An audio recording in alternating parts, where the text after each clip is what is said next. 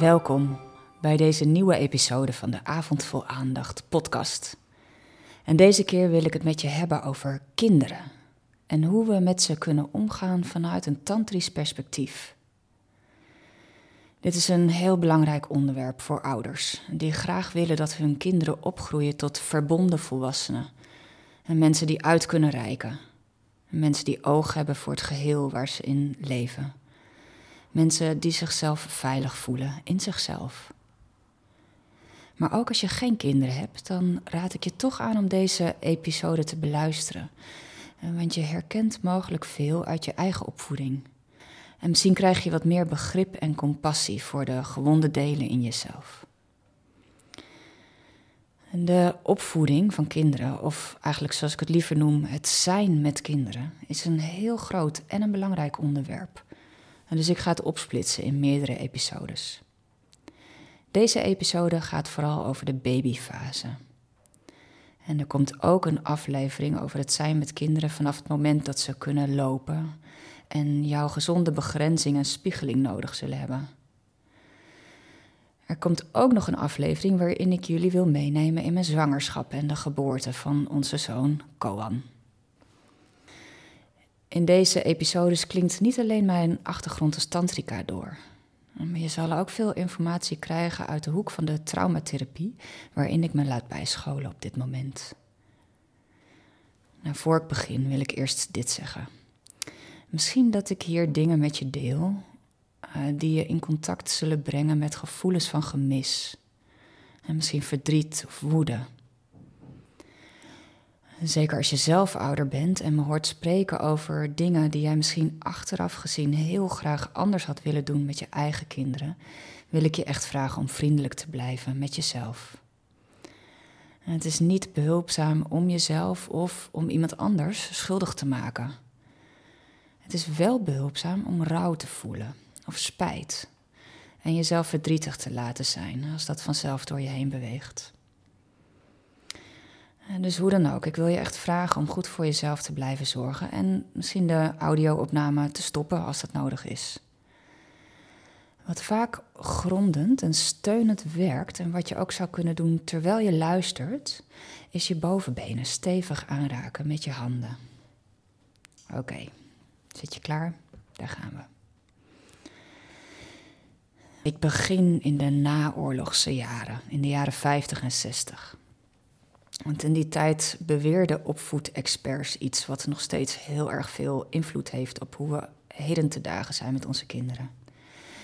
Namelijk dat je een kind kon verwennen door het veel te knuffelen. Dus je kon je kind verwennen door het veel te kussen en het op je schoot te nemen. Je verwende je baby door het de aanraking te geven waar ieder kind vanzelfsprekend om vraagt. Dat kon je maar beter niet doen. En want daar creëer je zwakke, behoeftige en onzelfstandige kinderen mee, die altijd zullen vragen om meer en meer en meer. Ook voeding en slaap werd aangeraden om te geven op vaste, gezette tijden. Niet speciaal wanneer je kindje er behoefte aan had, maar aan een vooraf bepaald ritme. Kon het ook beter niet de borst geven, maar een flesje met synthetische poedermelk. Want dan wist je precies wat het kindje had gedronken en of het de benodigde voedingsstoffen had binnengekregen. De benodigde milliliters. Borstvoeding werd afgedaan als iets dierlijks, als iets primitiefs. Dat deden we niet meer in geciviliseerde landen. Dus, en nog steeds in veel westerse landen wordt op zogende moeders gereageerd met afkeur en hoon. En zo werd het ook volkomen normaal dat het kindje in een eigen bedje kwam te liggen. En die wederopbouwjaren kregen ook grotere huizen en kwam er eh, vaak voor ieder kind een eigen kamer. En daar lag je kindje, het kindje dan, en jij misschien wel, ver weg van papa en mama. En die dachten, en die hadden geleerd, laat ze maar huilen, daar worden ze sterk van. En het houdt ook vanzelf een keer op. De generatie van onze ouders, als je zo oud bent als ik, de babyboomers, die zijn meestal zelf op deze manier opgevoed door hun ouders. En omdat er ook in jouw jeugd en nog weinig andere betrouwbare informatie voorhanden was, hebben ze jou waarschijnlijk ook op deze manier opgevoed. Om dit te kunnen doen, moeten ze zichzelf alleen wel behoorlijk wat hebben aangepraat. Want hoe kan je anders het hartverscheurende gehuil van je eigen baby negeren? Nou, en ik denk dat onze ouders dit hebben kunnen doen doordat die hele generatie, de babyboomers en hun ouders, eigenlijk behoorlijk sterk getraumatiseerd zijn. Nog steeds zijn wij als maatschappij collectief aan het herstellen van het trauma van de Tweede Wereldoorlog. Stel je eens voor, misschien kan je het je voorstellen hoe erg moet zijn geweest. Wat een ongelofelijke schrik mensen hebben ervaren als de bommenwerpers kwamen overvliegen. En je vroeg je af of je huis er de volgende ochtend nog zou staan. Wat een ongelooflijke angst. En bijvoorbeeld als je niet weet of je je kinderen wel genoeg eten kunt geven. Of er wel genoeg medische hulp voorhanden is. En dan was er natuurlijk niet alleen de Tweede Wereldoorlog, maar ook de Eerste. En al onze geschiedenisboeken staan vol van glorieuze verhalen over de ene veldslag naar de andere. Over de ene oorlog of gewelddadige overmeestering naar de andere. En hoewel we steeds meer ook de verschrikkingen ervan erkennen, verheerlijkt iets in ons nog steeds geweld. Kijk maar naar de films die we kijken met z'n allen, of de boeken die we lezen. Zo vaak is geweld echt een centraal thema daarin. Om de oorlog te overleven, niet alleen fysiek, maar ook emotioneel, hebben mensen zich heel sterk moeten afsluiten van hun gevoelens. En ze gingen in overlevingsstand, wat betekent dat je vlucht, vecht of bevriest. En dat doen we allemaal als we intens geweld ervaren. En vooral als het langer duurt. En het gaat niet alleen om het zelf ervaren van het geweld. Je hoeft niet in een kamp gezeten te hebben om echt getraumatiseerd te zijn. Het kan ook echt gebeuren als je uh, de dreiging van geweld voelt alsmaar. En zonder hulp kom je niet zomaar uit die overlevingsstand van vechten, vluchten of verdwijnen. Veel mensen liepen in de oorlog de zogeheten posttraumatische stressstoornis op. En PTSS maakt dat je niet meer echt in contact bent. Niet met jezelf, met je eigen lijf. En daarmee ook niet met anderen. En je bent afgesneden van je emoties zodat je jezelf kan beschermen tegen de overweldigende pijn en de verschrikkingen van een oorlog. En ik denk dat het trauma was. Dat heeft gemaakt dat experts snoeihard durfden te beweren dat het een goed idee is als kinderen niet te veel worden geknuffeld. We zijn een getraumatiseerd volk. De een natuurlijk in heftiger mate dan de ander. Als je echt in de oorlog hebt gevochten of je hebt in een kamp gezeten, ben je nog veel erger afgesplitst. En tegelijkertijd leven we, in ieder geval hier in West-Europa, in een onwaarschijnlijk vredevolle en overvloedige tijd. En dat betekent dat veel mensen van nu wel de mogelijkheid hebben en ook de vrijheid, ook de financiële vrijheid, om hulp te zoeken bij de blokkades die ze ervaren in het leven. Die worden veroorzaakt door trauma. En die hulp is voorhanden, ruim voorhanden. En die wordt ook alsmaar beter en ik denk in ieder geval gedeeltelijk omdat therapeuten en psychologen zelf ook steeds gezondere volwassenen worden. En tegenwoordig bestaat er een ongelooflijke hoeveelheid overtuigend wetenschappelijk bewijs. En dat het juist precies andersom is dan de experts destijds verwachten en dachten. Kinderen veranderen juist in sterke, vriendelijke volwassenen. Met veel zelfvertrouwen, een stevige gronding. Als ze alle aanraking ontvangen en zoveel nabijheid en moedermelk krijgen als ze maar willen. En we noemen kinderen die deze natuurlijke aanraking en voeding hebben ontvangen veilig gehecht. Als je veilig gehecht bent, dan betekent het dat je een basisvertrouwen hebt. Je hebt vertrouwen in de goedheid van de wereld. En je ziet jezelf en ook andere mensen als in principe goed. Je voelt je veilig in jezelf. En je durft je grenzen in contact te brengen met anderen. En je durft ook uit te reiken naar anderen, contact te zoeken. Je hebt een gezond gevoel van eigenwaarde. Dus je hoeft jezelf niet op te kloppen of anderen te gebruiken om je goed te voelen over jezelf. want je voelt je heel in jezelf. Laat dat inzinken. Want we lijden nog steeds onder de oude denkbeelden van die zogenaamde opvoedexperts uit de jaren 60. En als je niet bewust de informatie tot je neemt en dat het allemaal heel anders in elkaar steekt, dan zal je de opvoedmethodes van je ouders herhalen. Nou, wat heeft dit nou allemaal te maken met Tantra? In Tantra onderzoeken we hoe onze vitale levenskracht weer vrij kan stromen. En daarvoor is het nodig om weer in contact te komen met de signalen en de wijsheid van ons lichaam. En dit contact met ons lichaam, dat werkt als een soort innerlijk kompas. En dat ons precies vertelt, heel helder, waar we heen willen en waar onze grenzen liggen. En waar we van nature naartoe willen bewegen en waar we vanzelfsprekend vandaan willen. Dit is onze aangeboren natuurlijke staat. En we hebben dit contact allemaal. Maar door trauma raken we ervan afgesplitst. Nou noemen we dat trauma. Dat is nogal een heftig woord. Dat we verwarren vaak met hele intense gebeurtenissen. Maar ik denk dat iedereen trauma heeft. En trauma is niet veroorzaakt door één nare ervaring, één aanwijsbaar evenement, hè, van waar je kan zeggen, kijk, daar gebeurde echt iets heel ergs. Maar het is ook het gevolg van een reeks van gebeurtenissen in je vaak jonge leven. Een trauma ontstaat als je niet bent gezien en erkend voor wie je bent. Een trauma ontstaat als je wordt genegeerd, als je wordt gekleineerd, als je alsmaar boodschappen hebt ontvangen over hoe je eigenlijk zou moeten zijn. Als je lange tijd niet wordt geaccepteerd voor wie je nou eenmaal vanzelf bent. En als je ouders niet gaandeweg meer leerden over zichzelf en hun eigen wonden, dan heb je je hele jeugd moeten leven met hun tekortkomingen om jou te zien voor wie je werkelijk bent. Dit is niet hun fout. Zij gaven je het beste wat ze in huis hadden. Maar soms was dat helaas niet zo heel veel.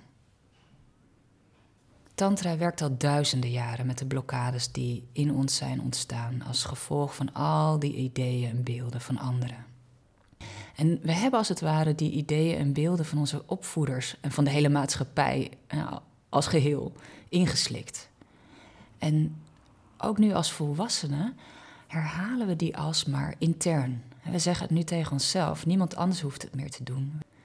En we schamen ons voor wie we werkelijk zijn. En we voelen ons klein en onmachtig.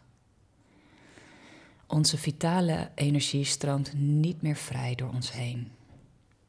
En daardoor hebben we niet meer de toegang tot onze liefde, bijvoorbeeld. De volledige toegang. Je, je voelt misschien wel liefde, maar je voelt niet meer de liefde die je als klein kind kon voelen. Of het verdriet, het totale verdriet wat je kon voelen. Of de totale vreugde die je kon voelen als kind. En daar zijn we van afgesneden. En um, nu het lichaam en al die lichamelijke sensaties daar alsmaar meer plek krijgen in therapie, gaan tantra en therapie steeds meer op elkaar lijken. En dat is echt een geweldige vooruitgang wat mij betreft. Ik voel me er echt heel erg verheugd over. Laten we eens kijken dus hoe, hoe tantra en ook de lichaamsgerichte therapie aankijkt tegen bijvoorbeeld aanraking. En wat beide zien als echt een primaire levensbehoefte. Er zijn hele akelige experimenten gedaan met babyaapjes die geen aanraking ontvingen. En die als gevolg daarvan stierven. Er zijn ook eh, allerlei vreselijke cijfers, gewoon terug te vinden op internet ook, waarin het gaat over de kindersterfte. Vroeger in kindertehuizen, waar kinderen heel weinig werden aangeraakt of liefdevol werden benaderd. En waar de sterfte vele malen hoger was dan onder kinderen en baby's die opgroeiden in een gezin. En waarin ze werden geknuffeld of opgepakt, gewiegd. Aanraking is echt van levensbelang. En hoeveel aanraking wil een baby dan? Heel eenvoudig. Een baby wil de hele tijd aangeraakt worden. Altijd. In elk geval in het eerste jaar, totdat ze gaan lopen en heel langzaam op een wat natuurlijke wijze verder weg bewegen van papa en mama. We willen aangeraakt worden en bij je op schoot zitten of bij je in de draagdoek liggen als ze wakker zijn. En ze willen aangeraakt worden en bij je in de buurt zijn als ze slapen. Altijd, 24/7. De baby is, als ze net geboren is, helemaal één met de wereld. Eén met mama. Eén met alles in haar omgeving. En soms ziet het iets voor haar oogjes bewegen en dan weet ze niet dat het haar eigen handje is. Zo één is het kindje. Het ziet geen onderscheid tussen zichzelf en de wereld om zich heen. En de manier waarop een baby leert wat zijn of haar lichaamsgrenzen zijn, is door aanraking. Het is een hele belangrijke fase in ons leven. En als we genoeg worden aangeraakt, helpt het onszelf, later in het leven ook, om gezond met onszelf om te gaan en onze grenzen te honoreren. Echt te voelen wanneer het genoeg is. In samenlevingen die niet zijn gehinderd door die rare afgesplitste opvoedadviezen, krijgen baby's deze voortdurende aanraking. Vanzelfsprekend. Dus kindjes worden daar altijd gedragen in een draagdoek op de buik of op de rug van de mama. Ze slapen bij ouders in bed, natuurlijk. En ze krijgen ook de borst wanneer ze daarom vragen. En vaak wel totdat ze twee of drie jaar oud zijn. In sommige samenlevingen zelfs tot zes, zeven jaar oud. Deze kinderen hebben heel weinig nodig. Geen speen, geen fles, geen box waarin je ze even lekker makkelijk kan opbergen. Geen speelgoed of nauwelijks speelgoed en zeker geen kinderwagen. Het enige wat ze willen en krijgen is mama en papa. Oh jongens, over kinderwagens gesproken. Wat een ongelooflijk verdrietige objecten vind ik dat. Echt. Tenminste als het gaat om ouders zonder handicap. Ouders die gewoon goed kunnen lopen en die het zouden kunnen tillen. Stel je toch voor, daar lig je dan als kindje. En waarschijnlijk heb je het zelf uh, meegemaakt. Dan lig je dan in zo'n kinderwagen zonder het huid-op-huid contact, waar je zo intens naar verlangt. En wat gebeurt hier? Waarom word ik niet opgepakt? In sommige babykinderwagens kan de baby zelfs haar moeder of vader niet eens zien. want het gezichtje is naar buiten, naar voren gericht. Kan je je voorstellen? je papa of je mama loopt achter je, die kan je niet zien. En de hele wereld, al die kleuren, al die vormen waarmee je zo slecht nog het verschil kunt ervaren, het komt allemaal op je af. En jij bent totaal onbeschermd. En hoe vaak hoor je een baby niet oorverdovend huilen in zo'n kinderwagen? Ja, natuurlijk. Op een gegeven moment dan checkt de baby uit en dan valt het in slaap. En dan zal het waarschijnlijk lang slapen ook. En hetzelfde gebeurt wanneer je je kindje legt te slapen op een eigen afgesloten slaapkamer waar het jou niet kan zien of voelen. Want als een kind niet de aanraking, de voeding en het contact heeft gehad dat het nodig had, dan wordt het allereerst heel gefrustreerd. Het kindje maakt zijn verlangens kenbaar door, door te huilen. En als het huilen wordt genegeerd, dan wordt het kindje boos. En terecht, het zal gaan schreeuwen en krijzen. Het is bijna niet te doen om dat te negeren, want alles in jou zal schreeuwen: pak je baby op. Maar sommige ouders krijgen het voor elkaar door in hun hoofd te gaan. Die situatie te analyseren, te beredeneren en door zichzelf voor te houden. Zo is het nou eenmaal. Het houdt vanzelf op. En dat is ook zo, hè? want reageer je als ouder nog steeds niet op een natuurlijke, adequate manier door het kindje op te pakken, dan wat er gaat gebeuren is dat het kindje stopt met huilen en zich in zichzelf terugtrekt. En dan wordt het stil. Heel stil. De baby komt dan niet meer tevoorschijn met zijn of haar verlangens. En voor sommige ouders, voor wie dat huilende kind te veel is en te lastig, is dat heel prettig. Je kan eindelijk weer ademhalen. Zo, dat is weer voorbij.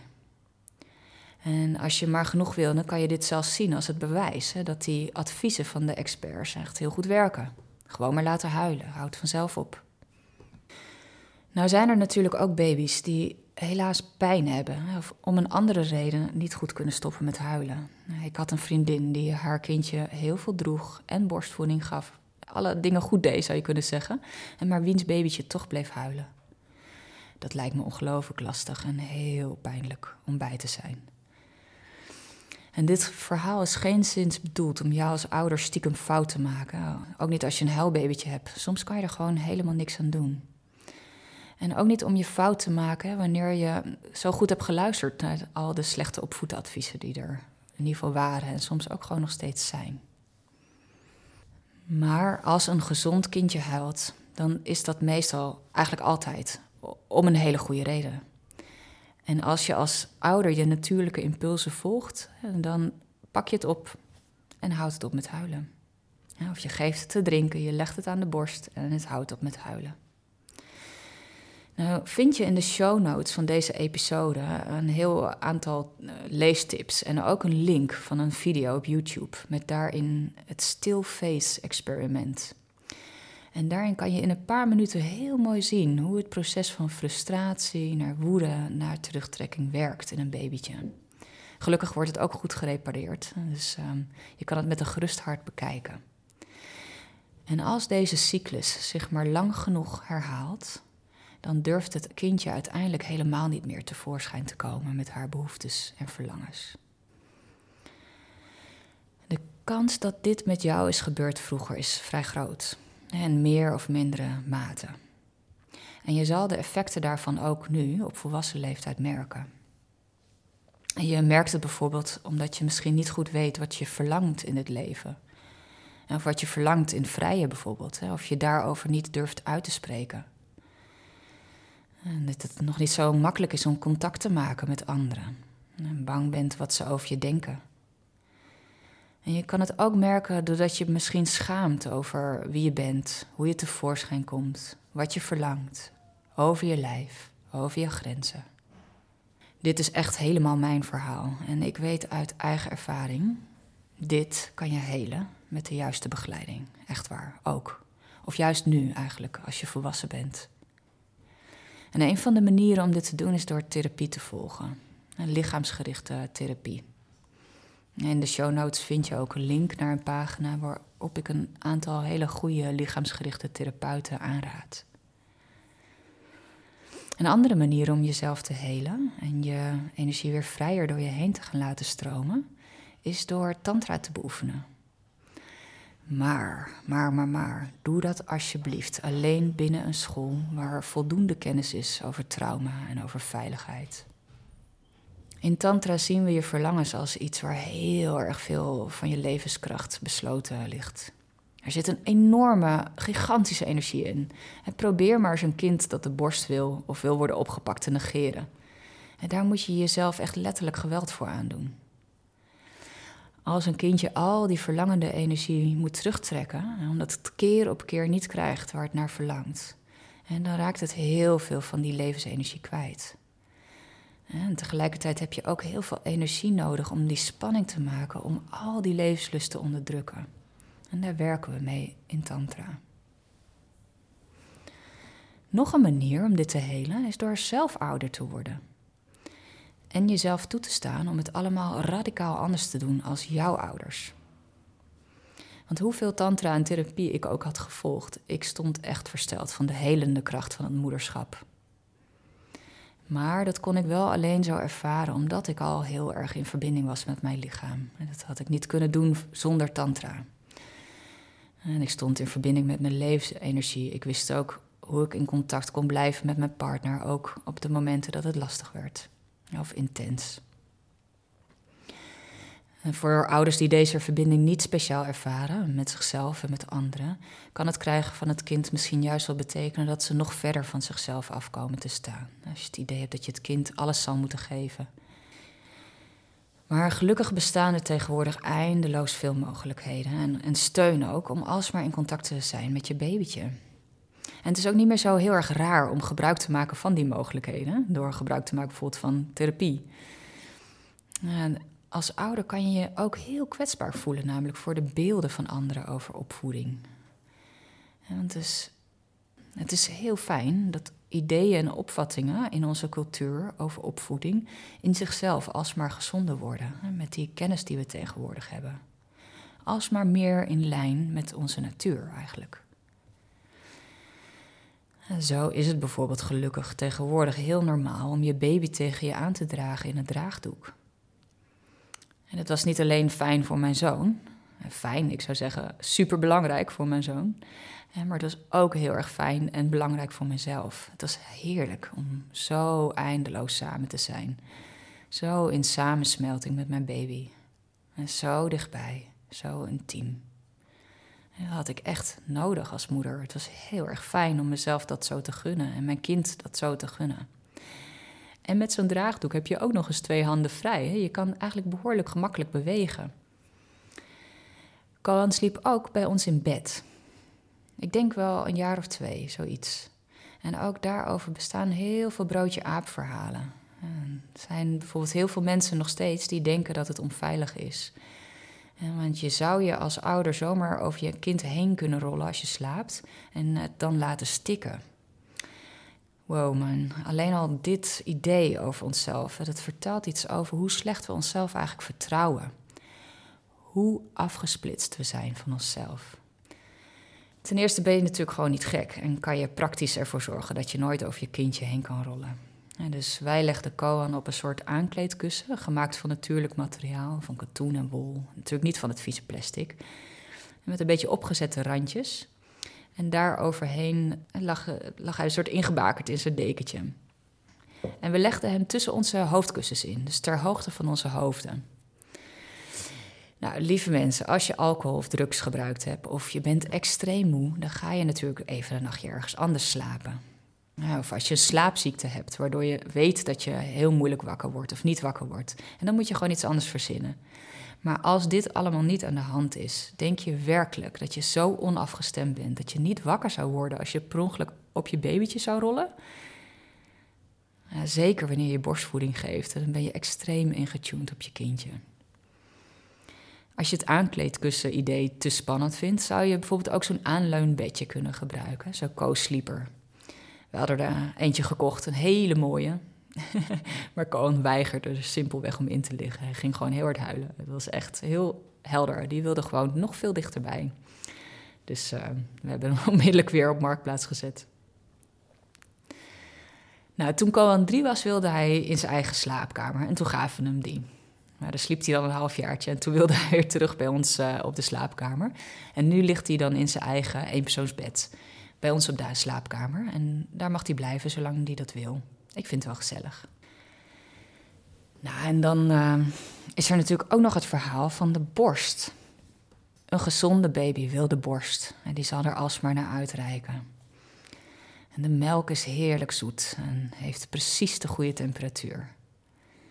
En ook de samenstelling van die voedingsstoffen is perfect afgestemd op iedere nieuwe groeifase van je kindje. Dat verandert alsmaar. Je lichaam doet dat gewoon, hoef je niks voor te doen. Als je borst voeding geeft, dan word je s'nachts meestal vanzelf wakker als je kindje honger heeft. Soms nog voordat het ook maar een kik heeft gegeven. Als je baby naast je ligt, dan hoef je het alleen maar even tegen je aan te trekken en, zoals hoe ik het noemde, aan te koppelen. En als je borstvoeding geeft, dan val je daarna ook heel erg snel weer in slaap, hè, als je helemaal wakker bent geworden. Als je een flesje moet geven, dan moet je helemaal uit bed s'nachts.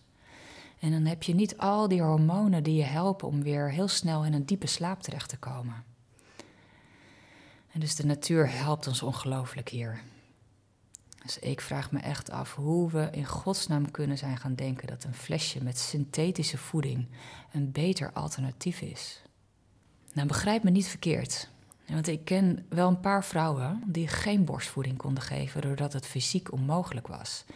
En dat was echt heel verdrietig voor ze. En dan is flesvoeding een werkelijk fantastische mogelijkheid. En er zijn zelfs moedermelkbanken waar vrouwen, als ze een overvloed aan melk produceren, aan kunnen doneren. Eh, zodat vrouwen die geen melk produceren of hun kind niet de borst kunnen geven, um, hun baby toch voldoende afweerstoffen kunnen geven. Om een gezond immuunsysteem op te bouwen. Want dat zit ook helaas niet in flesvoeding. Maar als je borstvoeding kan geven op de natuurlijke manier, dan wil ik het jou en je baby van harte aanraden. Echt, je doet er de wereld een groot plezier mee. in elk geval het eerste half jaar. Nou, of het samen slapen, of het dragen, of het borstvoeden on demand gewerkt heeft, kan niet anders zeggen dan ja. Koan huilde als baby zelden. In elk geval nooit langer dan een minuut.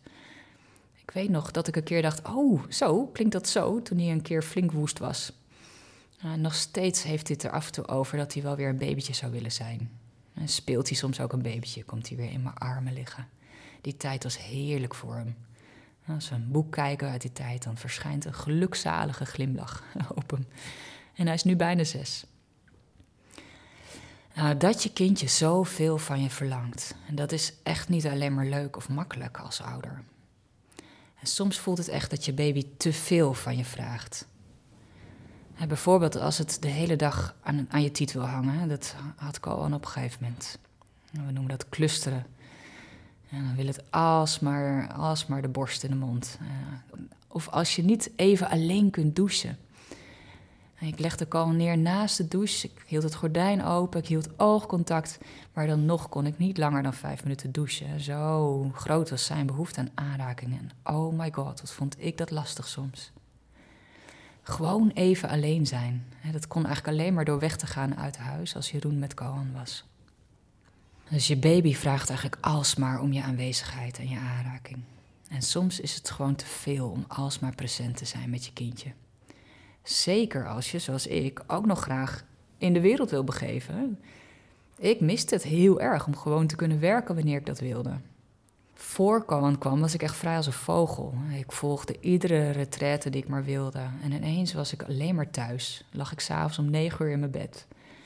En pas na een jaar ging ik echt weer s'avonds de deur uit. Daar heb ik mezelf wel echt een beetje tekort gedaan. Maar ja, wat bleek, hoewel Jeroen echt de helft van de tijd met Cohen was, echt een fantastische vader zou ik zeggen, wilde hij toch echt vooral mij, mama, in die eerste, dat eerste jaar, twee jaar.